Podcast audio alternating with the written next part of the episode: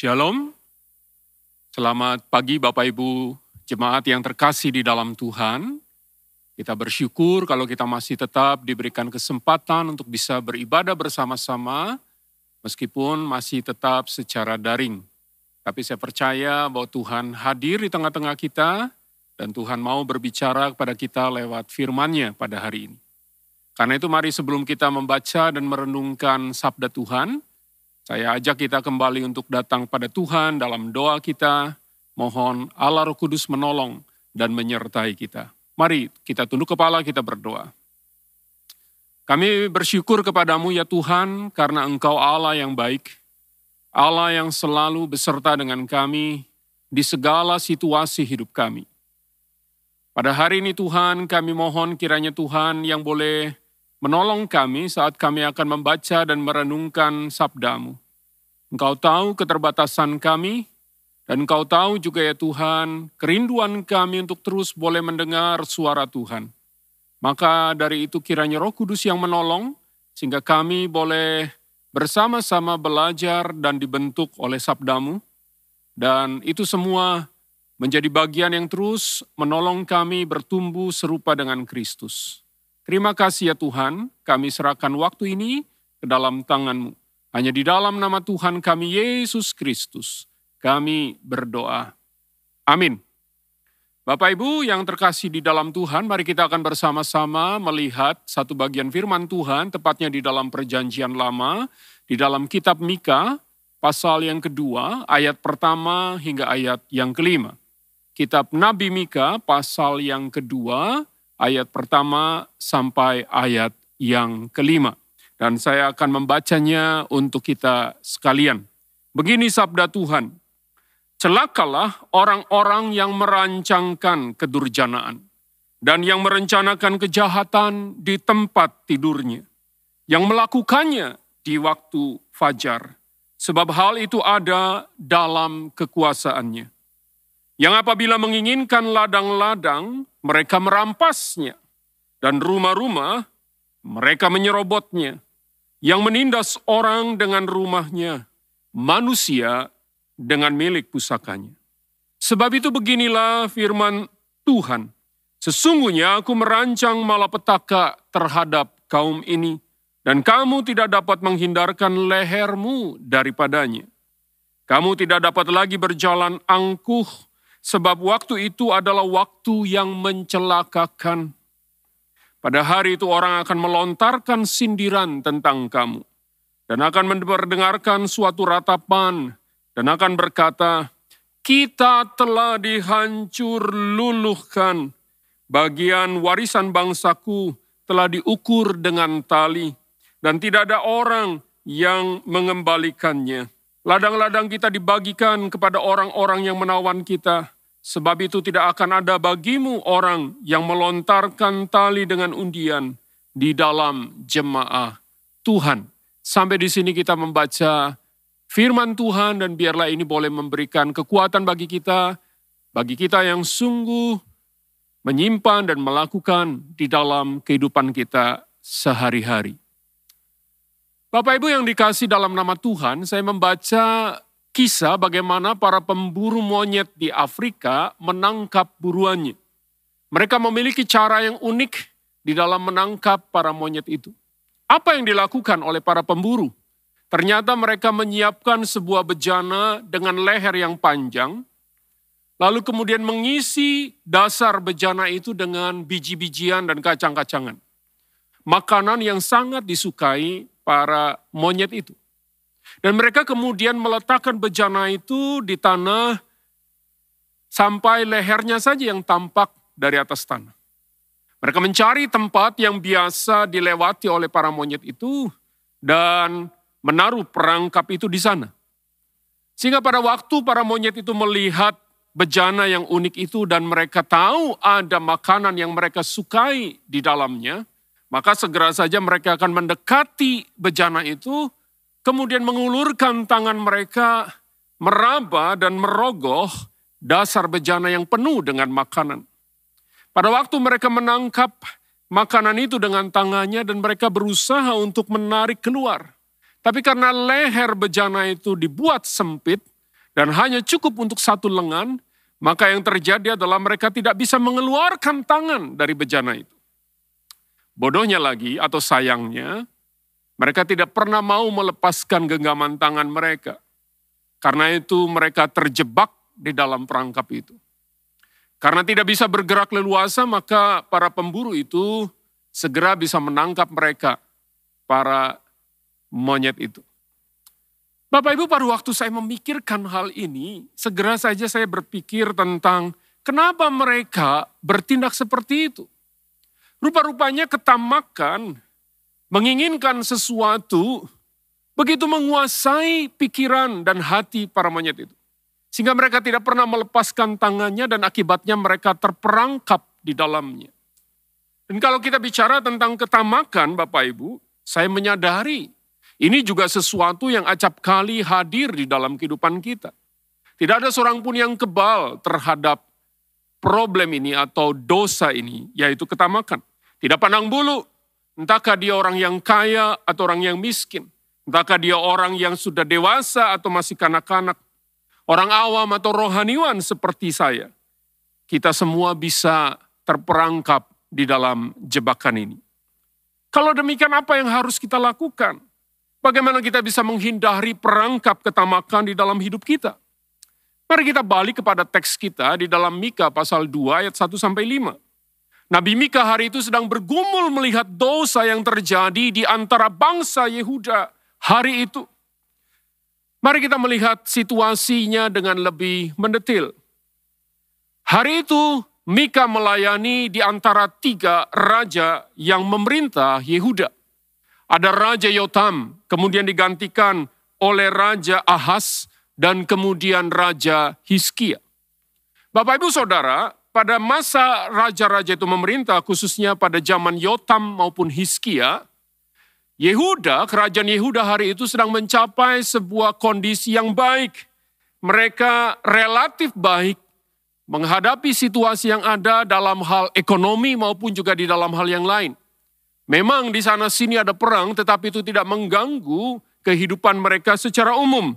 Bahkan Hizkia berhasil memperkuat tembok kota Yerusalem, membuat terowongan air dan menuju ke kolam Siloam, dan menjamin ketersediaan air bagi seluruh penduduk Yerusalem. Jadi boleh dibilang kondisi hari itu sudah sangat baik.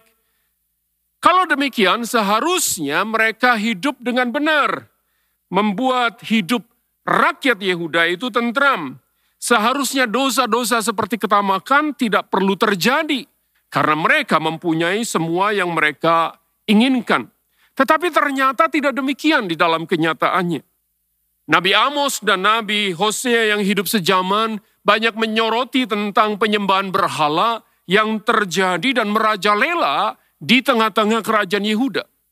Tetapi Nabi Mika menyorot secara khusus ketidakadilan yang muncul di antara para penduduk hari itu. Ada masalah besar yang setengah terjadi. Orang-orang kaya, para pemimpin, para pemuka agama yang semestinya menjadi panutan bagi orang banyak, ternyata justru mereka melakukan hal-hal yang buruk. Mereka melakukan dosa dengan merampas milik orang lain, dan mereka kemudian melakukan berbagai tindak kekerasan karena mereka didorong oleh ketamakan. Bapak Ibu karena itu Mika menulis dengan sangat keras di dalam ayat yang pertama sebuah peringatan dari Allah dia berkata, celakalah orang-orang yang merancang kedurjanaan, yang merancanakan kejahatan di tempat tidurnya, dan yang melakukannya di waktu fajar. Kata celakalah yang dituliskan dalam bagian ini sebenarnya sebuah seruan yang menggambarkan kegeraman, kepedihan, karena melihat sesuatu yang buruk terjadi di tengah-tengah hidup bangsa itu. Ini seruan hati Mika, karena dia melihat situasi yang begitu buruk menimpa umat Allah. Apa yang menggelisahkan hati Mika? Ia melihat orang-orang merencanakan kedurjanaan, merencanakan kejahatan di tempat tidurnya. Bapak Ibu di saat malam saat semua orang seharusnya beristirahat, ternyata masih ada orang-orang yang terjaga. Dan apa yang mereka lakukan? Mereka sedang menyusun rencana-rencana jahat memikirkan bagaimana mereka bisa mendapatkan lebih banyak dan hati yang didorong oleh ketamakan itu membuat mereka kemudian melakukan apa pun juga untuk mendapatkan apa yang menjadi keinginan hati mereka. Mika mengatakan tanpa tereng aling-aling tentang apa yang mereka akan lakukan. Menginginkan ladang, maka mereka merampasnya. Menginginkan rumah, mereka menyerobotnya. Menindas orang dan manusia dengan harta milik pusakanya. Dan Bapak Ibu itu semua dikerjakan oleh orang-orang untuk mengeksploitasi orang lain dan hanya mementingkan kepentingan diri sendiri. Segala daya upaya dan cara akan mereka lakukan untuk mendapatkan hasil itu. Bapak Ibu pada saat saya memikirkan teguran Mika terhadap bangsa Yehuda, tiba-tiba saya memikirkan tentang tindakan seorang raja yang juga melakukan persis yang dilakukan oleh para para pemimpin hari itu di tengah-tengah kaum Yehuda. Kalau kita membaca di dalam satu Raja-Raja pasal 21 ayat 1 sampai 19, maka di sana kita berjumpa dengan seorang raja yang bernama Ahab. Raja yang memiliki kekuasaan atas kerajaan Yehuda. Namun hari itu dia berjumpa dengan seorang pria yang bernama Nabot yang memiliki kebun anggur di samping istana raja. Sehingga waktu Ahab melihat kebun itu, maka hatinya diliputi oleh ketamakan dan dia berpikir alangkah baiknya jika aku mendapatkan kebun anggur tersebut. Maka dia mulai mendekati Nabot, memberikan sebuah tawaran untuk bisa memiliki tanah itu. Namun sayangnya Nabot bersikeras, dia tidak mau menjual tanah itu karena dia tahu itu adalah tanah warisan. Hak waris yang diberikan oleh keluarganya kepada dirinya. Dan hari itu memang orang Yehuda tidak boleh menjual tanah waris mereka. Maka itu membuat hati Ahab itu begitu murung saudara. Dia tidak bisa menerima kenyataan itu. Maka istrinya Isabel melihat perubahan wajahnya dan bertanya apa yang terjadi. Ahab kemudian menceritakan keinginan hatinya kepada Isabel. Dan celakanya Ahab berjumpa dengan pasangan yang sepadan. Isabel kemudian merancangkan sebuah rencana jahat. Dia menulis surat kaleng yang kemudian menuduh Nabot sudah melakukan dosa dan pelanggaran dan membawanya ke hadapan pengadilan agama. Di sana dia merekayasa para saksi yang memberatkan Nabot sehingga akhirnya Nabot dihukum mati. Dan Ahab mendapatkan tanah itu tanpa mengeluarkan uang sepeser pun. Bapak Ibu lihat betapa ketamakan seorang raja dan penguasa begitu mengerikan karena dia akan memakai banyak cara untuk bisa mendapatkan keinginan hatinya. Dan tepat seperti itulah situasi yang tengah terjadi di tengah-tengah bangsa Yehuda. Mereka juga melakukan dosa yang sama, tidak peduli kalau tindakan mereka menyusahkan dan membuat orang lain menderita. Mereka tidak ragu-ragu untuk merampas milik orang lain karena mereka berpikir mereka punya kekuasaan untuk itu. Kalau sampai di sini kita mungkin berkata, aduh Pak, bersyukur ya, saya tidak tinggal pada masa Nabi Mika hidup. Saya senang karena saya tidak juga bertindak seperti orang-orang jahat di dalam kitab Mika itu.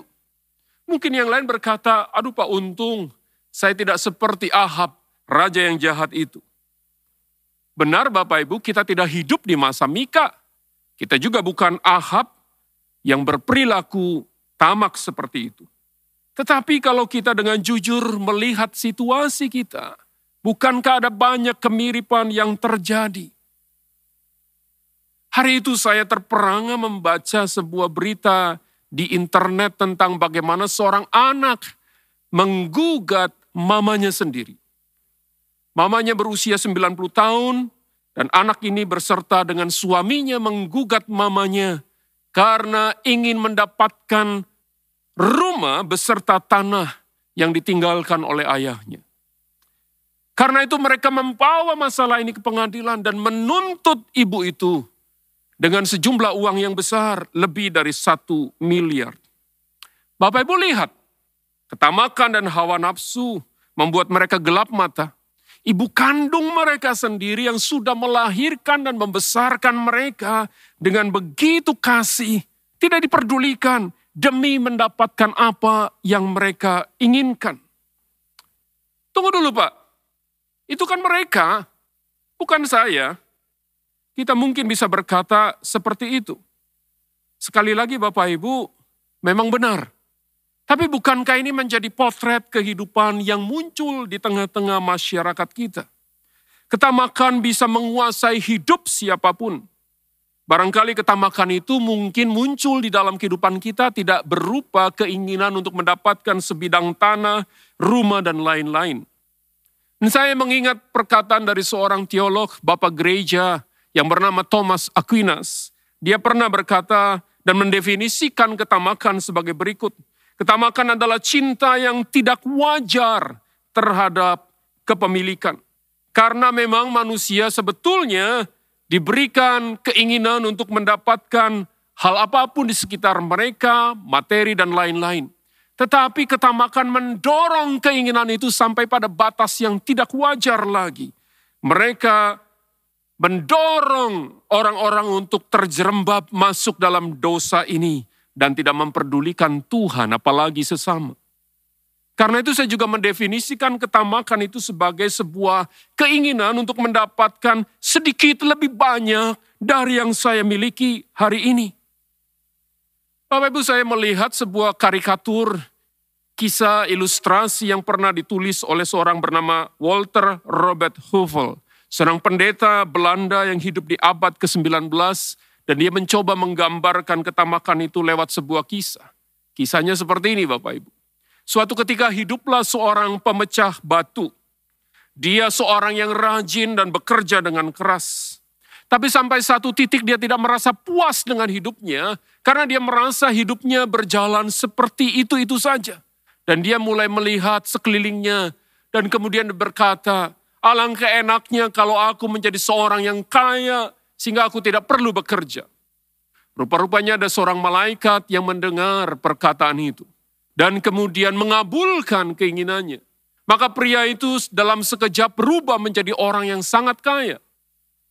Pada waktu dia mendapatkan kekayaan itu, puaskah dia? Ternyata tidak. Karena suatu ketika dia melihat ada seorang raja lewat di jalan. Dia diiringi oleh banyak orang ditutupi dengan payung. Dan itu membuat dia berpikir, oh ternyata kalau menjadi raja hidupku akan lebih puas. Keinginannya terkabul dan dia kemudian menjadi seorang raja. Dan Bapak Ibu pada waktu dia menjadi seorang raja, dia berjalan ditutupi dengan payung tetapi payung itu ternyata tidak bisa melindungi sepenuhnya dari terik panas matahari. Dia kembali tidak puas dan berpikir, alangkah enaknya kalau kalau aku menjadi matahari. Keinginannya terkabul.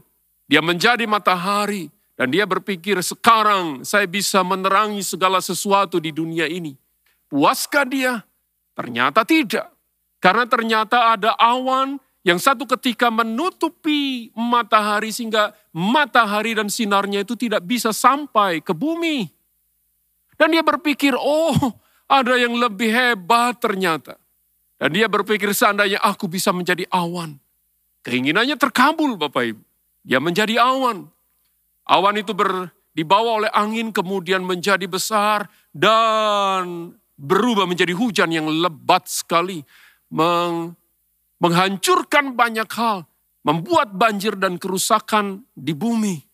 Tapi dia melihat bahwa ternyata ada sebongkah batu yang tidak tergeser dan tidak tergerak oleh derasnya air yang diakibatkan hujan yang besar itu. Maka dia mulai berpikir, oh ada sesuatu yang lebih hebat. Dan dia berpikir, seandainya aku bisa menjadi batu. Keinginannya sekali lagi terkabul. Dia menjadi batu. Dan sekarang dia berkata, aku sangat berkuasa tapi betapa terkejutnya dia karena tidak lama sesudah itu datanglah seorang pria yang membawa palu yang besar. Seorang pemecah batu. Dan kemudian dia bekerja memecahkan batu itu. Kali ini dia berpikir sekali lagi. Oh, ternyata menjadi seorang pemecah batu adalah sesuatu yang menyenangkan. Dia dikabulkan keinginannya dan kembali menjadi pemecah batu. Bapak Ibu lihat, hati manusia dipenuhi oleh begitu banyak keinginan, tetapi sering kali itu didorong oleh perasaan tidak puas dan ketamakan. Ketamakan yang timbul dalam kehidupan kita dipicu oleh banyak hal. Ada konsumerisme dan materialisme. Perhatikan di sekeliling kita hampir tiap hari kita dibombardir oleh iklan-iklan yang banyak yang menawarkan barang-barang yang bisa membuat hidup kita lebih baik, lebih enak, lebih nyaman, lebih mudah. Kalau kita menggunakan produk tertentu, maka harga diri kita akan meningkat dan orang akan memperhatikan siapa kita. Jadi kita terdorong untuk membeli bukan karena kita butuh, tetapi karena kita ingin memilikinya supaya memuaskan hati kita. Segala sesuatu kita ukur berdasarkan apa yang kita miliki di dalam hidup kita. Di sinilah ketamakan itu mulai menyelinap masuk dalam hidup kita. Betapa jahatnya ketamakan, karena itu membuat mata hati kita tertutup, telinga kita terkunci untuk mendengar dan memperhatikan orang-orang di sekitar kita. Lalu apa yang harus dikerjakan Pak supaya kita bisa selamat dari situasi itu? Nabi Mika kembali mengingatkan kita di dalam pasal 2 ayat 3 dan keempat, bagaimana Tuhan sedang mengatakan bahwa Allah akan menghukum mereka karena dosa itu jika mereka tidak pernah bertobat. Allah tidak tinggal diam melihat dosa itu. Tuhan berkata, Aku sedang merancangkan malapetaka terhadap kaum ini. Dan engkau tidak akan bisa menghindarinya. Bahkan lehermu tidak akan terhindar. Berarti itu sesuatu yang pasti untuk datang kepada mereka sebagai hukuman Allah. Pada hari itu orang-orang akan melihat mereka dan kemudian berkata, betapa mengerikannya dosa ini. Loh pak, dosa ketamakan Apakah itu membuat Allah begitu murka? Iya, bagi Allah dosa ketamakan bukan sesuatu yang ringan, bukan sesuatu yang main-main. Allah memandang serius dosa ini. Bahkan bagi Allah ini begitu berbahaya. Perhatikan hidup orang-orang yang tercatat di dalam Alkitab. Kita berjumpa dengan Lot, keponakan dari Abraham. Yang pada saat dia diberikan pilihan untuk memilih tempat di mana dia bisa tinggal, maka segera saja tanpa berpikir panjang dan menunggu waktu lama, dia mengarahkan pandangannya ke lembah sungai Yordan yang begitu subur itu. Dan kemudian dia memilih tempat itu sebagai tempat untuk tinggal. Semestinya Abraham sebagai orang yang lebih tua pamannya yang memilih pertama kali. Tetapi Lot dengan ketamakannya, dia berusaha mendapatkan yang terbaik dan dia tidak memperdulikan Abraham pamannya sendiri. Yang tidak diketahui oleh Lot adalah bahwa di sana dia akan tinggal di dekat kota Sodom dan Gomora yang begitu jahat para penduduknya. Dan Allah berencana untuk menghancurkan kota itu. Lihat Bapak Ibu, pilihan yang diambil oleh Lot karena didorong oleh ketamakan.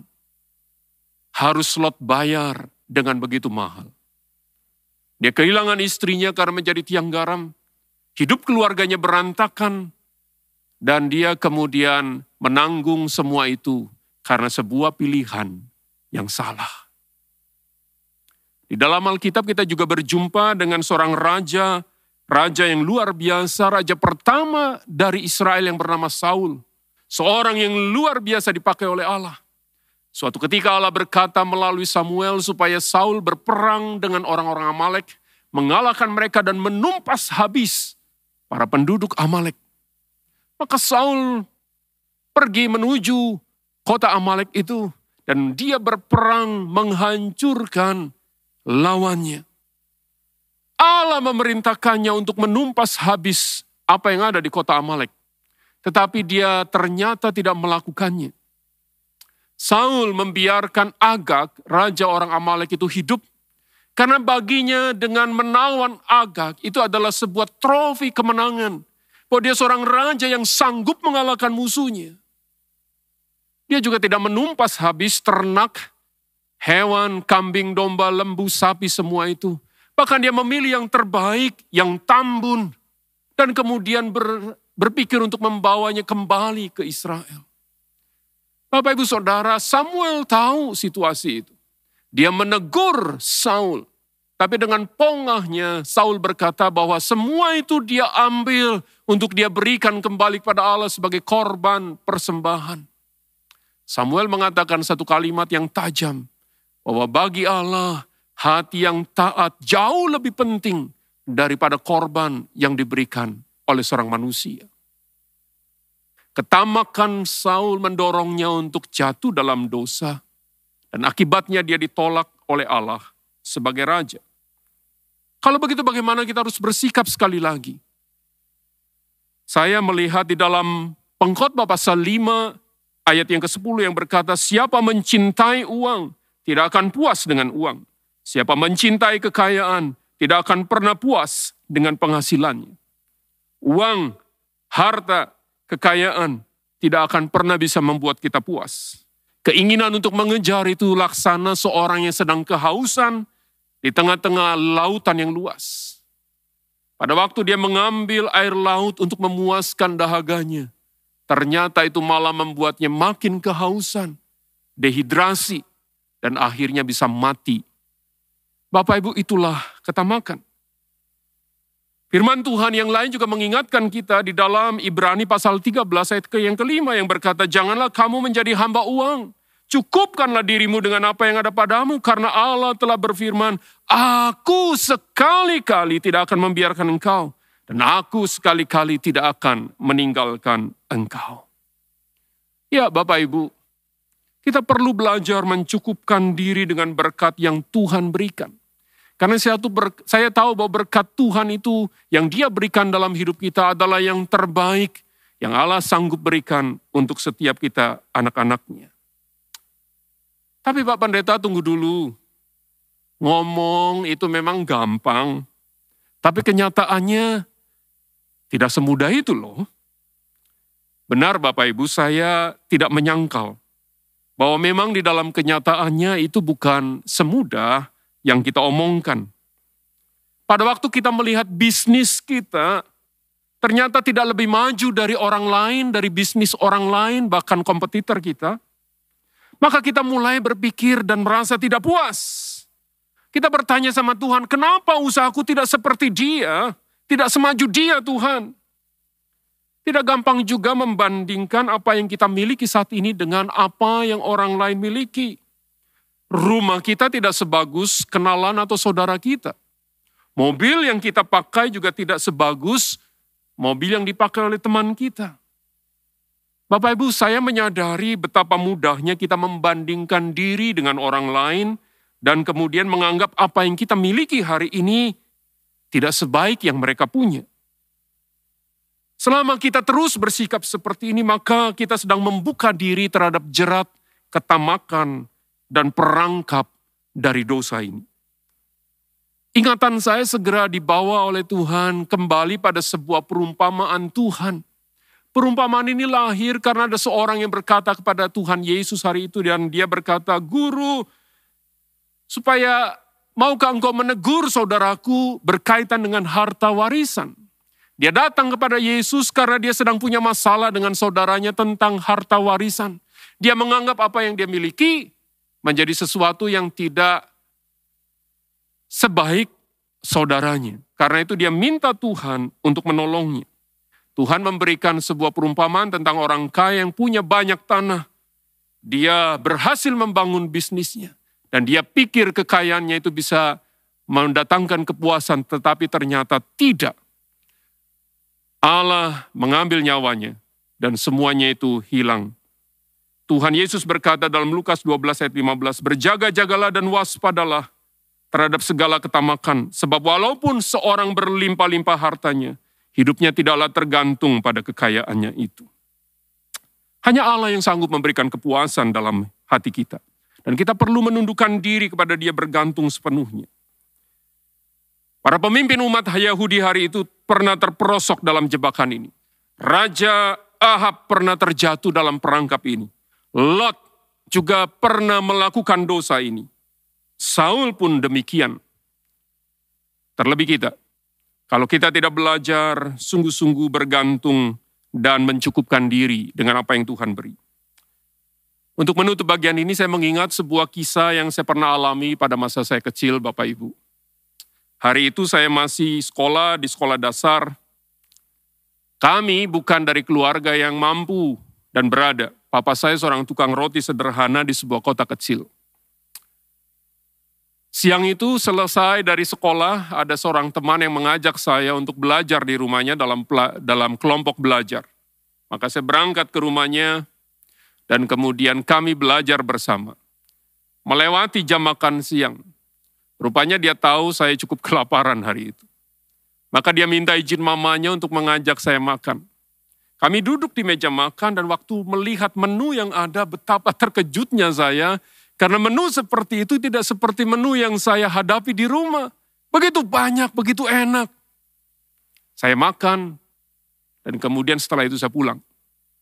Sampai di rumah saya bicara dengan mama saya, menceritakan pengalaman itu. Dan mama saya kemudian melihat saya, karena dia mendengar saya berkata, aduh ma, enak ya kalau hidup kayak dia. Bisa memiliki semua itu. Mama saya tersenyum dan berkata, David, kita memang sederhana. Kita tidak sekaya temanmu. Tapi jangan lupa, Tuhan sudah memberikan yang terbaik untuk kita. Belajarlah bersyukur. Pengalaman seperti itu tidak pernah saya lupakan sesudahnya. Karena itu sampai hari ini setiap kali pada awal bulan atau akhir bulan melihat saldo tabungan, saya akan belajar bersyukur pada Tuhan. Tuhan terima kasih karena berkatmu yang terbaik engkau sudah berikan. Bapak ibu saudara, Tuhan menghendaki kita untuk belajar bersyukur kepadanya. Karena dia Allah yang selalu mencukupkan segala kebutuhan kita. Kristus tidak pernah berubah, dulu sekarang sampai selama-lamanya. Dan dialah yang akan menjamin hidup kita kalau kita sungguh-sungguh bergantung kepadanya. Pertanyaannya, bersediakah kita untuk bergantung kepada Dia? Karena kalau tidak, kita sedang berhadapan dengan sebuah jebakan yang sangat berbahaya. Dan biarlah kebenaran firman Tuhan hari ini saya rangkum dalam kalimat ini, supaya kita tetap bersyukur dan mengucap dan mencukupkan diri dengan semua berkat yang kita terima. Jika tidak, maka dosa kestamakan sedang menjerat hidup kita. Kiranya Tuhan menolong kita. Amin. Mari kita berdoa. Bapa, kami tahu bahwa Engkau adalah Allah yang tidak pernah meninggalkan kami. Yesus Tuhan, Engkau adalah pribadi yang selalu hadir di tengah-tengah hidup kami. Engkau tahu segala kebutuhan kami, melebihi kami memikirkannya dan menginginkannya. Karena itu ajar kami untuk sungguh-sungguh bergantung kepadamu dalam segala situasi. Karena kami memiliki Tuhan yang tidak pernah meninggalkan. Terima kasih. Hambamu berdoa supaya kiranya Tuhan juga menolong setiap kami jemaat Tuhan yang bergumul dengan situasi pandemi ini. Kami tahu Tuhan, ini mempengaruhi banyak hal. Tapi biarlah kami juga belajar mencukupkan diri dengan yang Tuhan beri. Karena kami tahu burung di udara Tuhan pelihara, bunga di padang Tuhan juga pelihara, terlebih kami orang-orang yang percaya kepadamu. Kiranya kami boleh menjaga hati kami Tuhan, supaya kami tidak jatuh dalam dosa ini. Tapi engkau juga tahu kelemahan kami, karena itu tolonglah kami Tuhan. Hanya di dalam nama Tuhan kami Yesus, kami berdoa. Amin.